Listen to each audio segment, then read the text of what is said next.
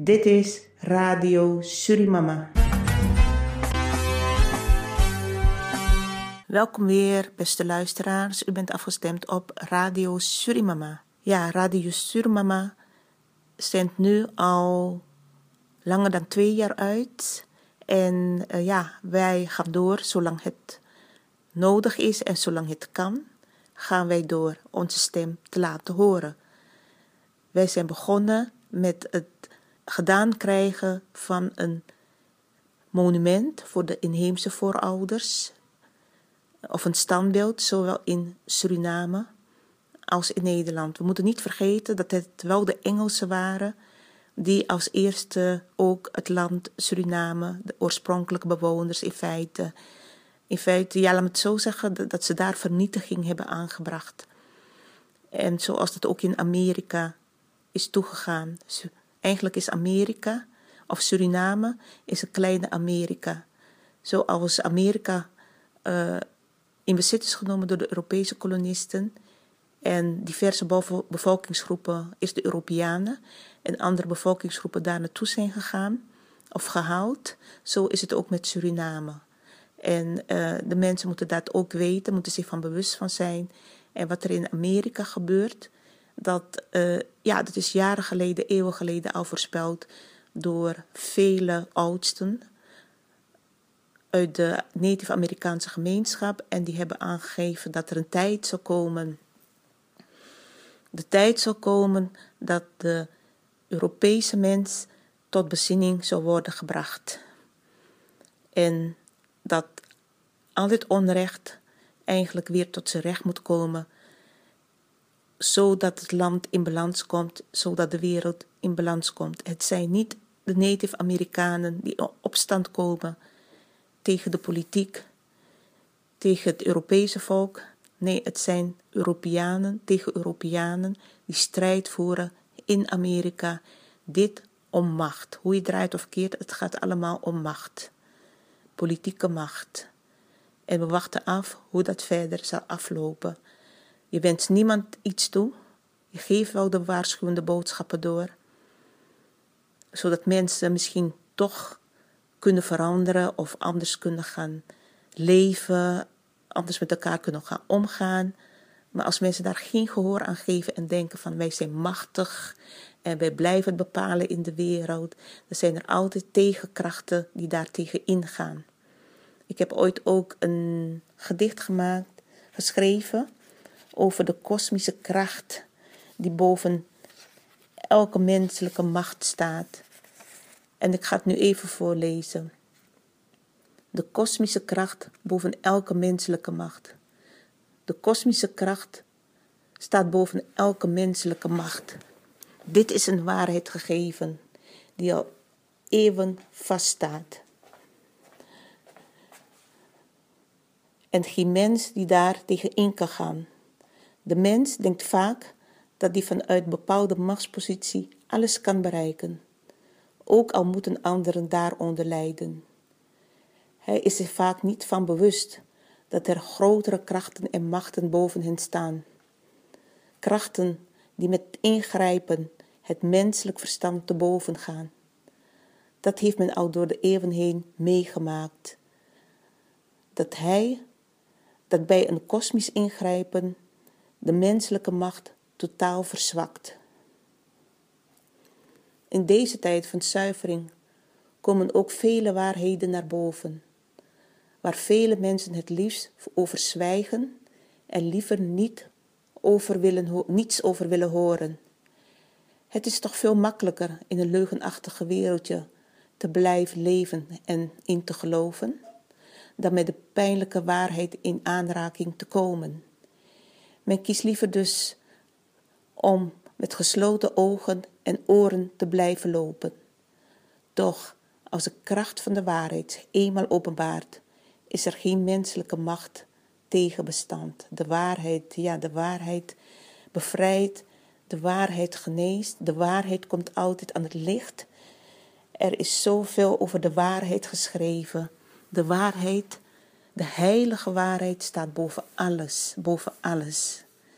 En kan door geen menselijke kracht of macht ongedaan worden. Worden ongedaan. Of u het wil zeggen, worden ontkracht. Nee, dat kan niet. Het komt altijd weer aan het licht. Men kan proberen heel veel overheen te doen. Je ziet het zoals een, de waarheid een soort diamant is en die in feite verborgen wordt. En maar op de een of andere manier komt het licht toch naar boven. Heel langzaam soms, maar het komt naar boven.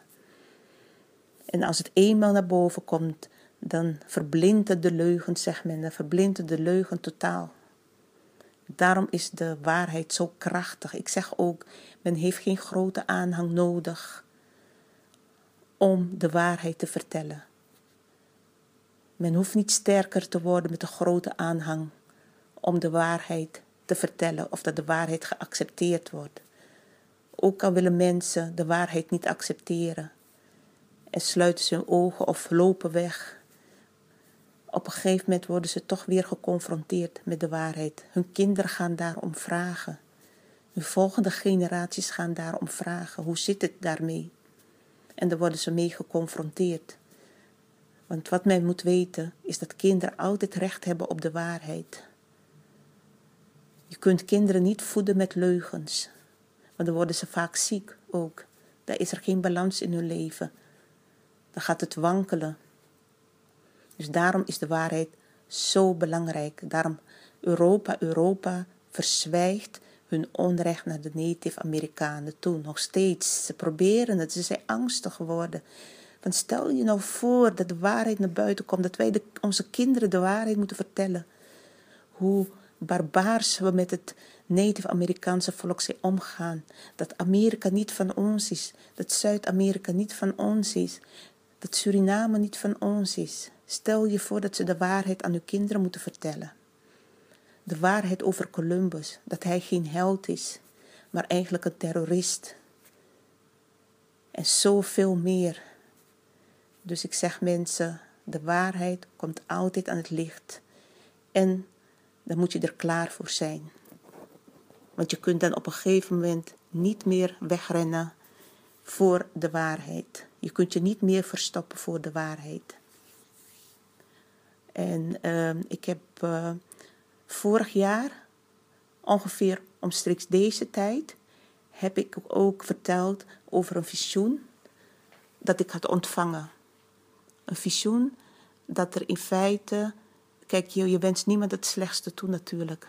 Want iedereen verlangt eigenlijk, laat me het zo zeggen, veel mensen verlangen naar een goed leven, naar een gezond leven, naar een rustig en gelukkig leven. Maar goed, zoals het in de wereld aan toe gaat, ook voor de coronacrisis, het coronavirus, ging het niet goed. De wereld raakte steeds meer in disbalans door de hebzucht van de mens, door de koppigheid van de mens, door het egoïsme van de mens en uh, door de leugens en bedrog die de wereld overheersen. Alles draait om geld, geld, geld. Goed, ik heb dat vaker omgeroepen. En uh, de boodschappen die ik doorkreeg ook, waren ook niet zomaar. Mensen kunnen naar luisteren of ze zeggen van ja, we negeren, maar vroeg of laat wijst het zich toch uit. Maar in ieder geval, het visioen dat ik had gehad, ging erom dat er grote reuzen, u moet het zo zien als spiritueel ook. Het is ook een soort, uh, ja, niet letterlijk, maar er gebeurt wat, dat er wat in de wereld zal gebeuren, wat de mens uh, tot bezinning zal roepen in feite. Uh, de mens zal geconfronteerd worden met de gevolgen van hun onverantwoord, het onverantwoordelijk leven. Daar zou de mens mee geconfronteerd worden. En men kon er niet meer voor weglopen. Men kon er niet meer voor wegrennen. Maar in ieder geval die grote reuzen, die rechtvaardige reuzen die ik zag. In mijn visioen heb ik ook aangegeven, heb ik verteld. Ik zei ook, ik schaam me niet om dat te vertellen. Want sommige mensen denken van ja, uh, hè, spiritualiteit is zweverig en uh, allemaal onzin. Spiritualiteit is niet zweverig. Men neemt het niet graag mee in het leven, omdat de mensen een andere kijk krijgen op het leven en veel waarheden naar buiten komen. Als er meer, als, uh, er meer uh, met spiritualiteit wordt gewerkt. En spiritualiteit bedoel ik niet al die helderziende en die paranormale mensen die op de televisie te zien zijn, die de toekomst voorspellen. Daar bedoel ik geen spiritualiteit mee. Of mensen die uh, ergens naartoe moeten uh, om, om een bad te nemen of noem maar op. Dat zijn andere dingen. Dat is meer cultuurgericht of ja, ik weet niet hoe ik het moet noemen. Maar spiritualiteit is dat je helder gaat zien, helder gaat leven sowieso leef je ook vanuit principes. Dat is de basis. Spiritualiteit is vanuit principes leven.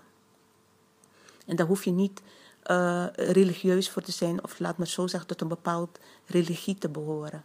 Het is gewoon dat je als mens voor kiest om uh, principieel te leven. En van daaruit ga je ook helder zien, helder weten, helder kijken, kritisch naar de dingen kijken zeg maar waar drie kwart of 80 procent in geloof, daar geloof jij niet in. Want je ziet dat het anders in elkaar zit. Je, je ziet dwars door een duistere symbool heen.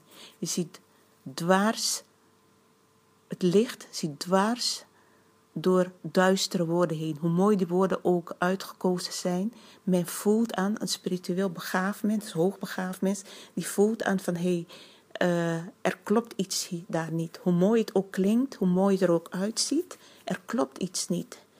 En dat is als je spiritueel hoogbegaafd bent. Het is grote rijkdom wat een mens mee kan krijgen. Dat is niet iedereen gegeven. Je kunt je wel persoonlijk ontwikkelen, dat is ook wel zo. Maar een spirituele, uh, spirituele begaafdheid, hoogbegaafdheid, daar worden mensen mee geboren. En dat is echt een verrijking in het leven, want je leert ook met problemen in het leven omgaan. Je mag meer weten, je mag meer zien, je mag meer horen en uh, je volgt je hart. En soms is het ook zo dat mensen uh, samenwerken met de, de goede geestelijke lichtwereld, de bron, de God van goedheid, de schepper van goedheid, de schepper van rechtvaardigheid, de schepper van licht, de schepper van waarheid en barmhartigheid. Dus uh, dat, dat is het, dat je je visioenen in feite leert serieus te nemen en ook naar buiten durft te dragen. Het is de toekomst die op een gegeven moment uit zal wijzen. Je kunt niet zeggen van ik heb een visioen gekregen en ik weet, ja, soms weet je het in je hart diep dat het op waarheid berust. Maar niet iedereen wil het aannemen eigenlijk. Dus ik, moest, ik moet vaak denken aan uh, dat visioen wat ik gekregen heb met die grote reuzen die boos waren. En die, uh, die liepen overal en die uh, gingen dan gebouwen in. Ik dacht toen van die mensen van Capitol in Amerika. het leek wel alsof zij dat gehoord hebben, maar dat is vanuit een duistere kant, vanuit duistere krachten worden mooie spirituele boodschappen overgenomen door mensen met een duister hart en dan gaan zij dat ook uitvoeren. Maar dat werkt niet, dat werkt niet, want deze mensen zijn duister bezig.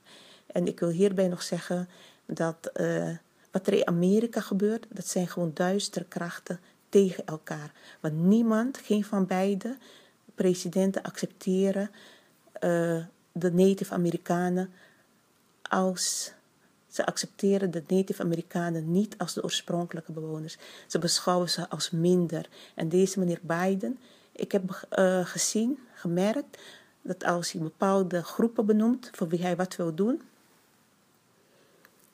dat hij de inheemse, de Native Amerikanen, altijd als laatst noemt. Dus dat zegt ook al wat. Hij benoemt ze altijd als laatst. Dus ik heb helemaal geen vertrouwen in deze meneer. Zoals ook niet in Trump. Dus daarom zeggen ze, het zijn duistere krachten gewoon die tegen elkaar in strijd zijn, met elkaar in strijd zijn voor macht. Het giftige woord macht. Dus laat het zo zeggen, uh, macht kan men op een hele negatieve manier gebruiken. Men kan het ook op een positieve manier gebruiken, maar veelal wordt het op een negatieve manier gebruikt in de wereld. En daarom dat er zoveel lijden is, zoveel pijn, zoveel verdriet. Macht gaat bij heel veel gepaard met oneerlijkheid, met hebzucht, met, uh, hoe moet je het zeggen, van eigenbelang, egoïsme. En zodra dat daar sprake van is, dan weet je dat die persoon die die machtspositie heeft, niets ten goede zal brengen aan een land, aan een volk, aan een omgeving.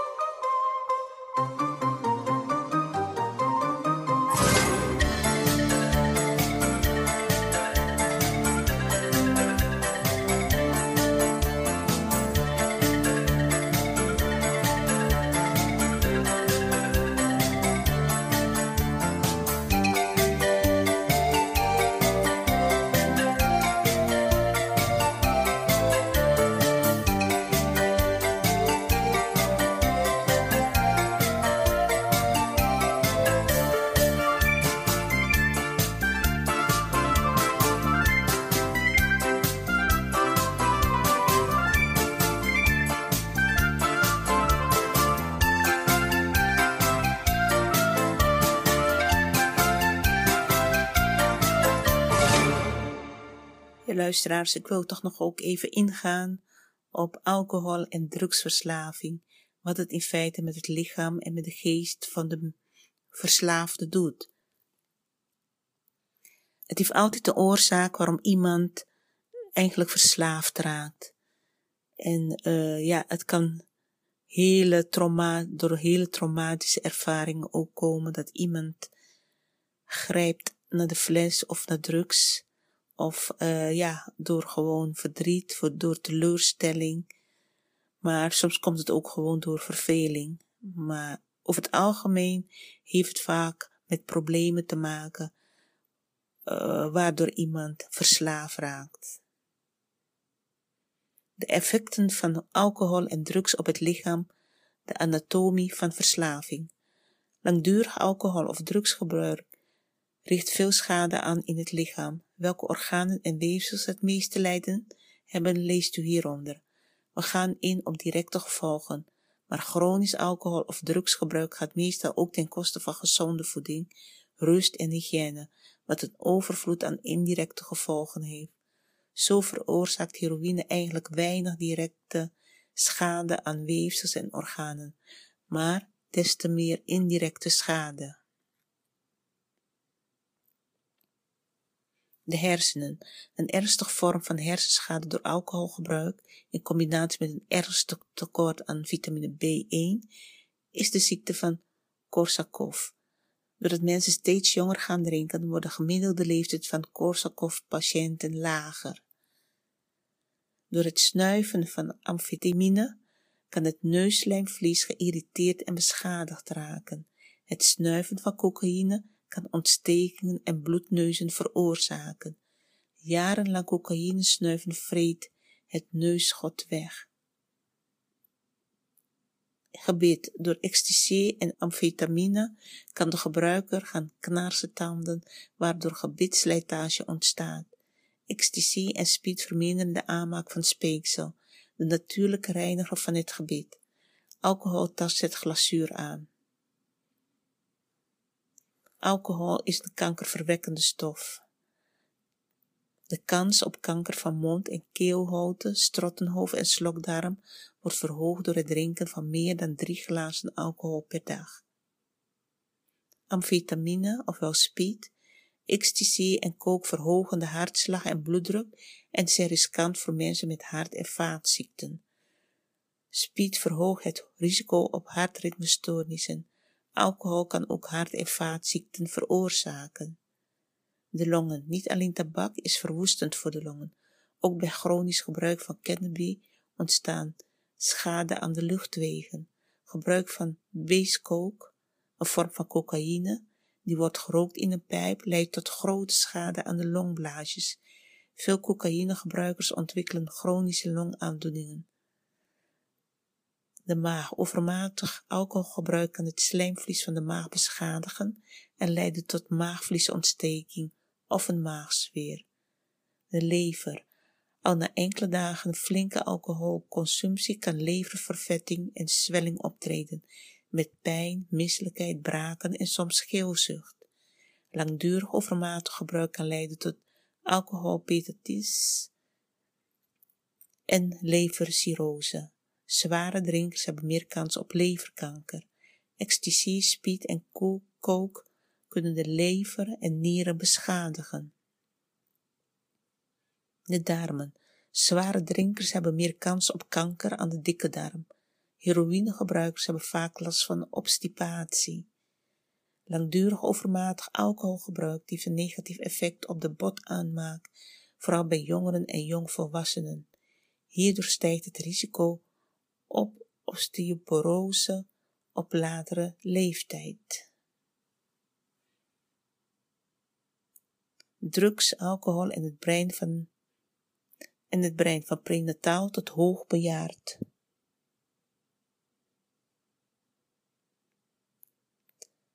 Alcohol, drugs en de hersenen. Hieronder kunt u lezen wat de invloed van drugs en alcohol is op de ontwikkeling van hersenen op verschillende leeftijden, van ongeboren baby's tot basisschoolkinderen en tieners, tot volwassenen tot bejaarden. Voor de geboorte, al voor de geboorte hebben alcohol en drugs invloed op de ontwikkeling van het kind, in het bijzonder op de hersenen. Cocaïne kan tot hersenbeschadiging en hersenbloedingen leiden. Heroïne tot groeiachterstand, vertraagde motorische ontwikkeling en leer- en gedragsstoornis. Ook lijkt er verband te zijn tussen ecstasy-gebruik en leer- en geheugenproblemen bij het kind. Maar ook de meer gangbare drugs hebben effect op het ongeboren kind. Cannabisgebruik tijdens de zwangerschap kan leiden tot problemen met concentratie en impulsiviteit. Alcohol, het meest gebruikte genotmiddel, is eveneens erg schadelijk voor het ongeboren kind. De kans op leer- en concentratieproblemen neemt al toe als de moeder minder dan één glas alcohol per dag drinkt. Naarmate de moeder meer drinkt, is het risico op schade groter. Maar er is geen veilige ondergrens. De meeste ernstige vorm van alcoholschade is het fetaal alcoholsyndroom, waarbij ernstige neurologische problemen kunnen optreden. Zolang kinderen nog niet drinken, heeft de opvoeding veel invloed op hoe zij later met alcohol omgaan. Regels stellen helpt. Hoe meer ouders verbieden, hoe minder kinderen drinken. Voor een klein deel van de kinderen is de invloed van alcohol en drugsgebruik veel groter en directer, namelijk als de ouders verslaafd zijn. Kinderen van ouders met psychische problemen of een verslaving, kop KOV-kinderen kunnen in hun ontwikkeling geschaad worden. Zo beïnvloedt veel stress de ontwikkeling van de kinderhersenen, met name de groei van hippocampus, een gebied dat onder meer belangrijk is voor het geheugen. Kop KOV-kinderen hebben zelf anderhalf keer meer kans op het ontwikkelen van een psychische stoornis. Ook is er een verhoogd risico op verslaving. Tieners. Tijdens de tienertijd vinden grote veranderingen plaats in de hersenen. Twee belangrijke gebieden zijn nog volop in ontwikkeling. De prefrontale cortex, verantwoordelijk voor onder meer impulscontrole en planning. En de hippocampus, belangrijk voor leervermogen en geheugen. Tieners zijn daardoor impulsiever en minder geneigd ver vooruit te denken, maar tegelijk zijn, ze, zijn de zich ontwikkelde hersengebieden zeer gevoelig voor de invloed van drugs en alcohol. Leer, gedrags- en geheugenproblemen kunnen het gevolg zijn. Drugs als ecstasy en cannabis vergroten ook de kans op andere psychische problemen, zoals angsten en psychoses. Alcoholgebruik op jonge leeftijd verhoogt bovendien aanzienlijk de kans op verslaving, waarbij geldt dat hoe jonger het kind alcohol gaat drinken, hoe groter de kans op verslaving is. Van de jongeren die voor hun dertiende beginnen met drinken, is 40% op een bepaald moment in hun leven alcohol verslaafd. Pas bij 24 jaar is de breinontwikkeling voltooid en zijn ook de voorste hersengebieden af. Volwassenen. De hersenen zijn dan volledig ontwikkeld en minder gevoelig dan bij kinderen en jongeren, maar ook minder plooibaar. Langdurig gebruik van drugs verandert de werking van de hersenen. Drugsgebruik zorgt voor enorme pieken in de neurotransmitter dopamine en daarmee voor overstimulatie van het beloningscentrum in de hersenen. Het brein past zich aan deze situatie door zelf minder dopamine af te geven en het aantal receptoren voor dopamine te verminderen. Als gevolg is de verslaafde bijna niet meer in staat tot het ervaren van plezier en alleen drugs kunnen de hoeveelheid dopamine weer snel naar een normaal niveau brengen. Om de euforische roes weer te voelen, moet de verslaafde bovendien steeds meer drugs gebruiken. Alcohol is niet minder schadelijk en vernietigt bovendien hersencellen. Bij zware drinkers kan het volume van de hersenen na jaren afnemen met 10 tot 15 procent. Hersengebieden die zorgen voor zelfcontrole, geheugen en motoriek kunnen door langdurig of veelvuldig drinken schade oplopen. Experimenteel gebruik in de jeugd of vroege volwassenheid kan geleidelijk overgaan in afhankelijkheid en verslaving en door de toegenomen verantwoordelijkheden, werk, wonen, gezin, kan deze afhankelijkheid leiden tot veel problemen in het dagelijks leven. Het overgrote deel van de cliënten in behandeling valt dan ook in categorie volwassenen tussen de 24 en 50 jaar. In 2010 waren bij Novadik Kentron 7000 volwassenen in behandeling. Dat is bijna 65% van de totaal aantal cliënten, terwijl het aandeel van deze leeftijdscategorie op de totale Nederlandse bevolking ongeveer 35% is. Ouderen. De laatste tien jaar is het aantal ouderen met alcoholproblemen bijna verdubbeld in het oudere lichaam verandert de vochthuishouding. Doordat ouderen letterlijk minder vocht in hun lichaam hebben om de alcohol te verdunnen, kunnen ze er slechter tegen en raken ze snel onder invloed. Doordat bovendien de nieren en lever minder goed werken en de weerstand lager is, leidt alcohol sneller tot schade aan het lichaam en de hersenen. Drugsgebruik komt onder ouderen minder vaak voor, maar de effecten zijn eveneens verwoestend. Jarenlang drugsgebruik zorgt voor grote schade aan hersenen, weefsels en organen, lever, longen, bloedvaten en de veroudering van het lichaam vindt in een veel hoger tempo plaats. Een chronische drugsverslaafde van 50 kan dan ook net zoveel zorg nodig hebben als iemand van 20 tot 30 jaar ouder.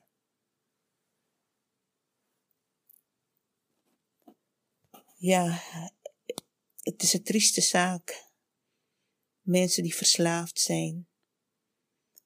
De verslaafde heeft er zelf last van. Kan geen normaal leven meer leiden.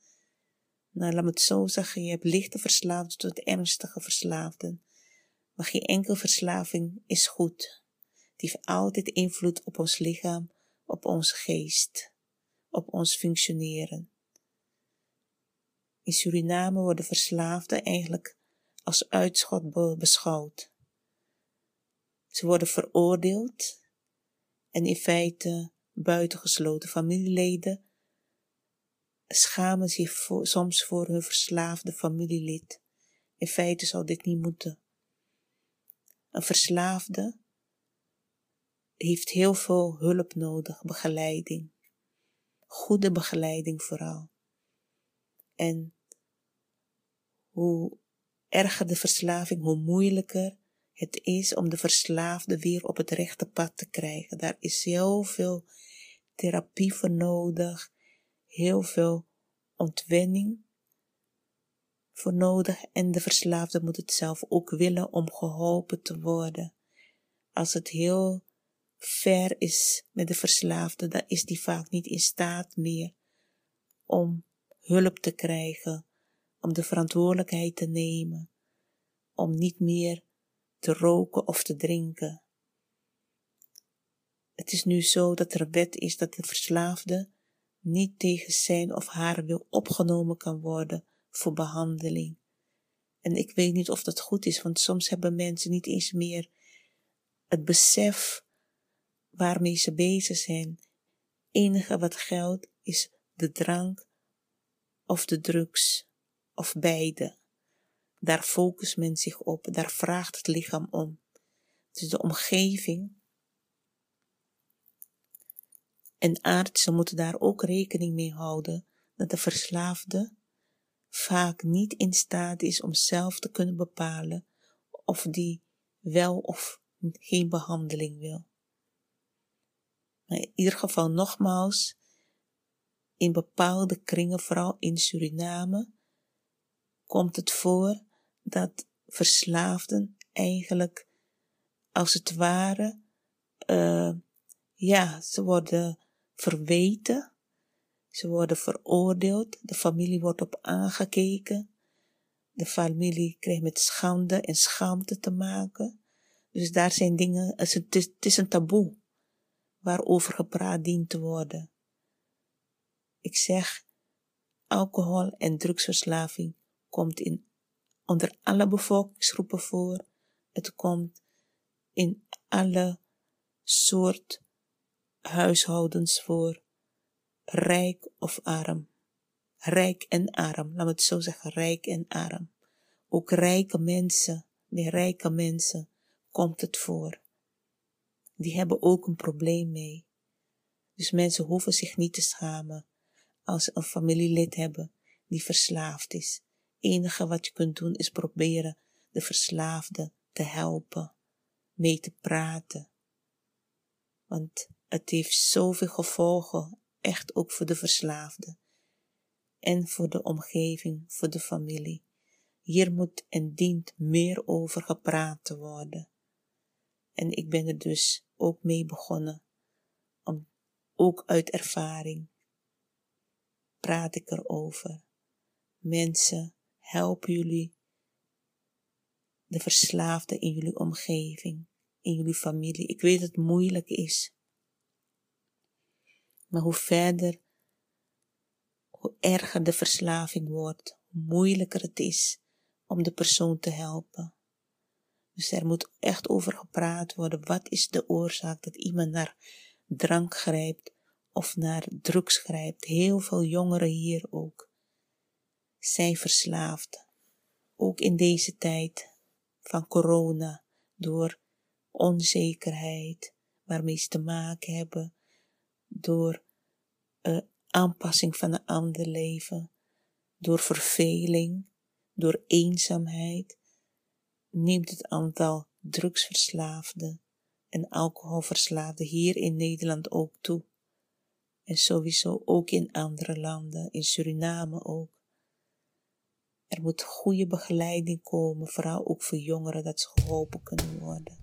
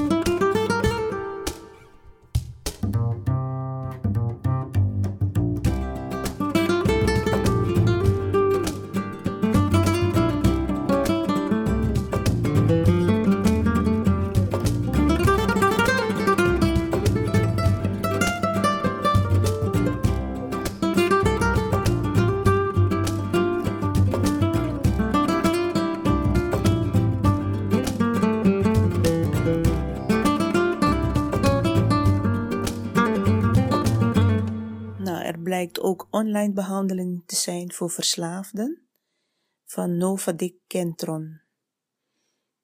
Bij online behandeling werkt u echt achter uw eigen computer, waar en wanneer u wilt, aan de opdrachten die deel uitmaken van uw behandeling. Via berichten, e-mail heeft u contact met uw behandelaar. Online behandeling wordt bij NK altijd gecombineerd met gesprekken. Online behandeling wordt vergoed door de zorgverzekeraar. U betaalt wel uw eigen risico. Nieuw cliënt, dan mag u zelftest doen. Bestaande cliënt mag direct inloggen, aanmelden. U kunt zich aanmelden voor gecombineerde online behandeling door een zelftest over uw middelengebruik in te vullen. U krijgt dan advies over aanmelding en behandeling en of online behandeling voor u de beste oplossing is. Dat krijgt u dan ook te horen. Als u zich heeft aangemeld voor online behandeling, kunt u direct inloggen. Voor wie is online behandeling geschikt? Voor nieuwe cliënten en bestaande cliënten. Cliënten die al in behandeling zijn, kunnen de behandeling online voortzetten. Als u online ondersteuning kunt gebruiken bij andere problemen die van invloed zijn op uw verslavingsbehandeling, zoals moeite met slapen, sombere stemming enzovoorts. Wat gebeurt na aanmelding? Na aanmelding en, en intake krijgt u een individueel behandelplan. Als u akkoord gaat met het behandelplan, staat de behandeling. Op de online behandeling zijn dezelfde regelingen voor toepassing, over bijvoorbeeld klachten en privacy, als op reguliere behandelingen. Hoe werkt online behandeling? U logt in op speciale behandelsite met een eigen inlogcode en een wachtwoord. Op de site kunt u aan de slag door de informatie te lezen en oefeningen te maken. Behandelmodus. Er zijn op dit moment online behandelmodules voor cliënten die problemen hebben met middelgebruik, middelengebruik, bijvoorbeeld alcohol, cannabis of slaap- en kalmeringsmiddelen, ofwel benzo's. En ook is er een nazorgprogramma voor een latere fase van de behandeling. Online behandeling is niet alleen efficiënt, maar ook bewezen effectief. Onderzoek heeft aangetoond dat met online behandeling dezelfde resultaten bereikt worden als met alleen gesprekken. Online behandeling gebeurt met dezelfde zorgvuldigheid als behandeling via gesprekken. Uw behandeling wordt door een vertrouwde behandelaar met ervaring in de verslavingszorg uitgevoerd. Een mening van de cliënt die online behandeling heeft. Ik vind online behandeling een fantastische vorm van hulpverlening. Ik hoef mijn baas niets uit te leggen, kan eraan werken zo vaak ik wil en leer een heleboel over mezelf. Elke twee, drie dagen kruip ik een half uur achter mijn pc. Ik werk de opdrachten uit waarna een behandelaar er online op reageert. Zo kreeg ik een helder beeld van mijn valkuilen, zodat ik voortaan die kon voorkomen. Tot zover over verslaving, luisteraars. En ja, je hoort het veel tegenwoordig ook. Het is er altijd al geweest natuurlijk. En het komt onder alle leeftijden voor, jong, oud, mensen van middelbare leeftijd. Onder alle bevolkingsgroepen komt het voor. Dus uh, er is niks om over te schamen. Het enige wat belangrijk is, is dat de verslaafde hulp krijgt. Want zonder die hulp, ja, dan komen zoveel problemen bij kijken dat eigenlijk een normaal leven niet meer geleid kan worden. Niet voor de verslaafde zelf, maar ook de omgeving, die krijgt daarmee te maken. Dus al bij al, maak er geen taboe van, maar ga hulp zoeken als verslaafde. En bent u, is de verslaafde zelf niet in staat, dan kan de omgeving of de huisarts of de familie daarin hulp bieden.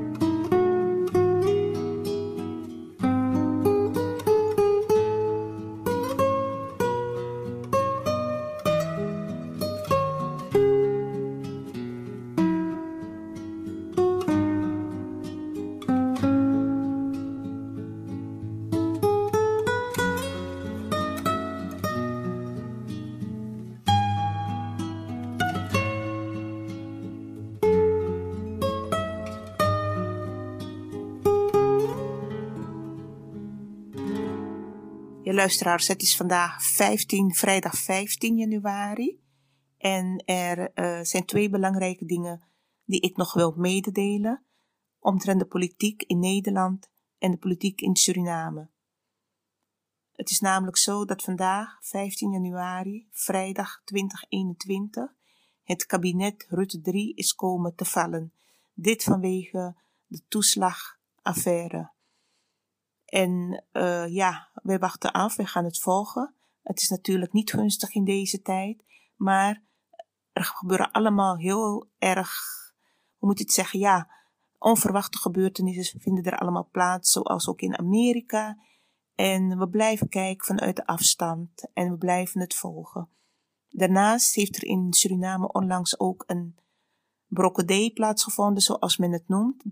De huidige president Satoki, de vicepresident Brunswijk en de voormalige president Bouterse, die hebben een gesprek gehad, heel lang gesprek, van zeven uur s'avonds, zeggen ze, tot vijf uur s ochtends, in het paleis van Suriname. En wat er daar besproken is, ja, dat wordt even aangegeven dat het ging om de regeling treffing, treffen van uh, de heer Bouterse, in verband dat hij nu zes maanden uh, niet meer daar president is en waarschijnlijk regelingen voor getroffen moeten worden, bepaalde regelingen. Misschien wel financiële regelingen. Maar goed, ik vind het volk heeft sowieso recht op om te weten wat er allemaal besproken is en welke belangrijke thema's aan de orde zijn gekomen. Het volk heeft recht op om dit te weten. Er moeten geen spelletjes gespeeld worden of wat dan ook. Dat kan men deze tijd helemaal niet, uh, eigenlijk niet hebben. Dus uh, president Santoki, nogmaals, het volk heeft recht om te horen wat er allemaal besproken is in de bijeenkomst tussen u, de vicepresident en de ex-president. Als hier een persconferentie plaatsvindt, dan weet het volk ook waar het grotendeels inhoudelijk over gaat. En uh, maar daar is nog gebrek aan in Suriname. Dus al bij al, u heeft de verantwoordelijkheid en laat het ook merken op dit gebied.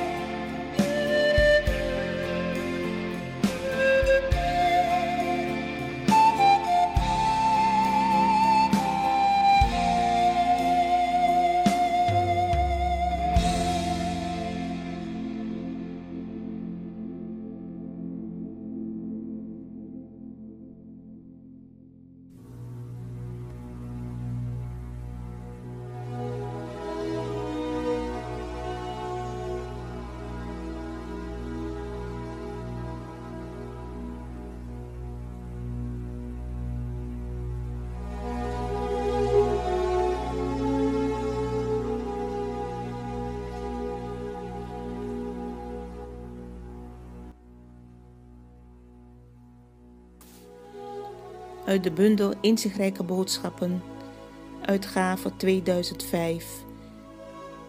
Eh, levensinzichten op diverse gebieden, troostend, bemoedigend, inzichtrijk, etc. De zoektocht. Voel je niet verdwaald, mijn kind, in deze onrustige tijd. Ik ben er als je mij zoekt. Heb vertrouwen in het goede. Het is een tijd waarbij de mens steeds op zoek zal gaan naar de waarheid. Probeer de waarheid in je eigen innerlijke wereld te vinden. Dan zul je weten dat alles wat gebeurt een reden heeft en van daaruit zul je een innerlijke rust ervaren. Wedergeboorte. De grootste crisis in ons leven kan er soms voor zorgen dat we als mens een wedergeboorte meemaken en iets nieuws gaan beleven.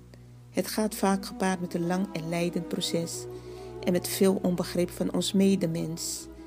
Het is een pijnlijk maar tevens leerrijk proces, want als wij over de grootste pijn heen zijn, merken wij als mens dat we met meer wijsheid en geestelijke kracht verrijkt zijn.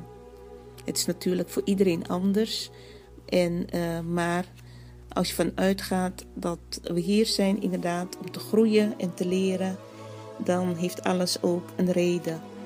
En de ene mens is sterker dan de andere mens om te overleven. Dat moet ook gezegd worden. We zijn niet allemaal hetzelfde. En uh, ja, luisteraars, ik ga nog één belangrijke boodschap lezen. Dat heeft te maken met de tijd van ontwaken, de tijd van bezinning. Ontwaak, word wakker, de tijd voor bezinning is nu daar. Het is een tijd waarin van de mens wordt gevraagd vele systemen en oude patronen los te laten. Op scholen, werkplekken, in de maatschappij en politiek. En ook de media en pers hebben daarin hun taak. Wij dienen mee te gaan met de transformatie van onze moeder aarde en tot bezinning te komen dat het geen zin meer heeft te streven naar eigen belang en macht. Geen discriminatie in geloof, cultuur en ras. We zijn allen hier maar van tijdelijke aard en hebben allen een verantwoordelijke taak naar onze moeder aarde. Ja, de Maya-voorspellingen 2012, wij zouden naar een andere tijd gaan en genoodzaakt worden misschien, ja sowieso merken we onze leven aan te passen op diverse gebieden, wat niet altijd even makkelijk gaat. Het gaat met lijden gepaard, maar de geboorte van de nieuwe wereld, de geboorte van een kind, gaat bij de moeder ook met lijden te paard vaak. En uh, spiritueel gezien komt dat overeen met elkaar.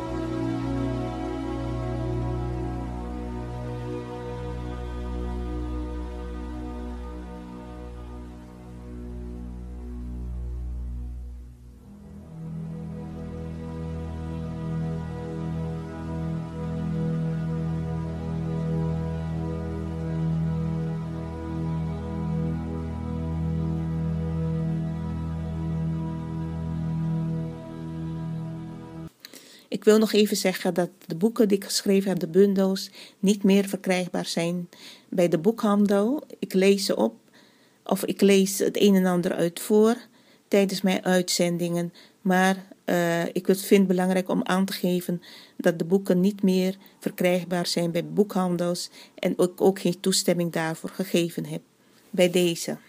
Ja, luisteraars, we zijn aan het eind van deze uitzending gekomen, zondag 17 januari. Ik wens u heel veel sterkte en kracht toe. Ik wens u een fijne zondag en een fijne week toe. En ik zou zeggen, tot de volgende keer. Dit was Radio Surimama. En bedankt iedereen ook nogmaals die zijn goede bijdrage levert en ons support.